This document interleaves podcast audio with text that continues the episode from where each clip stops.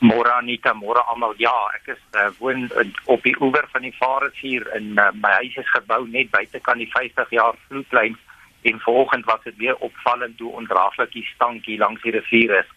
Um dit is regtig nie 'n mooi gesig om te sien nie. Hoe hoe lank het die situasie nou al so ontvou? Wanneer het hierdie probleme begin aankom? Ehm um, Anita, ek wil so 'n klein bietjie geskiedenis maar net gee. Ehm um, jy weet ek is van uh, kleintyd af hengel ek al so. Ek het as skoolseun per geleentheid altyd saam met familie by die rivier kom hengel en later as volwasse persoon het ek ook gereeld die rivier besoek en uh, op daardie stadium kon 'n mens al agterkom dat daar is agteruitgang by die rivier maar dit was draaglik geweest. En uh, 3 jaar terug toe ek in Parys kom koop het um, by twee wonderlike mense hier in die dorp uh, die oom en tannie vir my vertel die dag toe ons die plek gekoop het dat uh, hulle kinders hier in die rivier gebaljaar het in skoolvakansies, hulle maatjies ge ontvang het en saam gespeel het, maar hulle sal nie vandag meer hulle kinders toelaat om in die rivier in te gaan nie. So tot op daai stadium het ek dit ook maar net 'n knippie sout geneem en gewonder maar weet wat die agteruitgang is. Maar in die laaste 3 jaar vandat ons hier is, het dit regtig baie vinnig agteruit gegaan en dan spesifiek die laaste 6 maande het dit sodanig versleg dat dit ons op hierdie situasie is as 'n ramp beskou kan word. Net vir mense wat die video gemis het, wat 'n soort besoedeling praat ons van? Is daar baie plastiek? Nee, nee, dis dis die ek dink dis die hartseer van dit want die mense oog is nie ingestel nie en gewoonlik wanneer die mens hierdie tipe van goed raak sien as dit eintlik al te laat. So as dit vul is en rommel is wat jy afgespoel het, dan sal die gewone persoon wat nie noodwendig notisie neem het raak gesien het. Maar omdat hierdie rioolbesoedeling is wat jy as jy byvoorbeeld oor die brug by die rivier ry, dit nie dadelik raak sien nie. Maar ons wat hier teen die rivier woon wat elke dag in die middag by die oewer gaan sit of op die rotse sit en die klein gediertjies, uh weet die goedjies in die water is wat wat daar lewe uh, ken en weet hoe dit lyk. Dis waar jy die verskil sien. So as jy 'n gewone persoon vandag bring langs die rivier en hy stap net hier verby, afgesien van die stank, sal hy nie regtig besef nie want uh, ons weet wat is die deursigtigheid van die water onder normale omstandighede maar uh, iemand wat dit nie elke dag sien of weet van hoe dit is nie sal die, sal maar dink hierdie donker vuil kleur is die natuurlike manier van hoe dit moet wees en is beslis nie so nie. Johan, jy moet sê nie wees van staal hè want jy kry nou doodstraaigemente.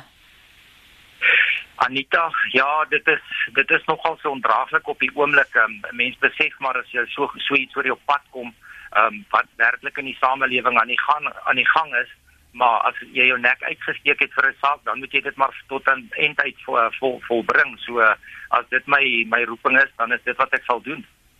Waar kom die besoedeling presies vandaan? Wil jy name and shame hier op monitor vanoggend? Jy het genoeg luisteraars wat jou sal hoor. Anita, nee, ek het nie 'n probleem nie. Weet jy, ek was eintlik maar ehm um, dit wys jou ons almal eintlik maar onkundig is. Aanvanklik het ons gedink die probleem ontstaan by Empoleni en dan kom dit maar af want hier in Parys is ook probleme maar na my videoklip het ek oproepe gekry uh, vanaf Ermelo reg deur tot by Douglas waar die Vaal en die Oranje bymekaar kom. So ons moet ons nie blind staar en dink die besoedeling lê hier om ons nie. Die besoedeling begin by die oorsprong van die Vaalrivier en dit raak reg deur net erger totdat waar die twee riviere bymekaar uitkom. So dit is landwyd uh deur die probleem hier by ons in Parys op te los, gaan ons geen geen verskil maak in hierdie krisis nie. Ons sal moet begin by Ermelo by die oorsprong van die rivier en daardie begin die skoonmaakwerk begin en dit dan reg deurvat tot waar die twee riviere bymekaar inloop. Anders dan gaan ons onsself bluf, ons gaan nie hierdie probleem oplos nie. Ek wou nou juist vir jou vra, wat is die antwoord verder? Praat jy as 'n aktivis met die verskeie owerhede? Ek hoor nou jy verwys na Ermelo ook. So dis nie net 'n kwessie van gaan praat gaan praat met die owerheid op Parys nie. Nee, jy weet, ek het net die videoklip gedoen uh, as aktivis of as sensasiesoeker of enige politieke verbintenis nie. Ek het die video uh, uh, klip gedoen uit bekommernis uit my hart uit.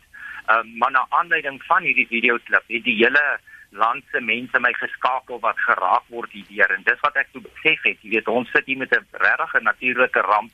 Um, ons sal nou môre oggend by mekaar kom en kyk of ons nie 'n groep kundiges by mekaar kan kry en dat ons dan van 'n punt af begin want ons sal werklik hierdie rivier in segmente moet gaan opdeel en dan mense wat dieselfde uh, uh, oortuiging het as ons van 'n punt af begin en uh, betrokke raak om te kyk wat kan ons doen om hierdie besoedeling stop te sit want om um, op die oomblik weet ek daar's nou verskriklike aktiwiteite in Empoleni wat plaasvind Maar dis maar net die punt van die ysberg dat ons sal die hele stelsel moet benader en hanteer. Nou ja, nuus vir jou uitnodiging bly in kontak met my. Ek sal later na die program vir my besonderhede gee en dan voer ons daai storie verder.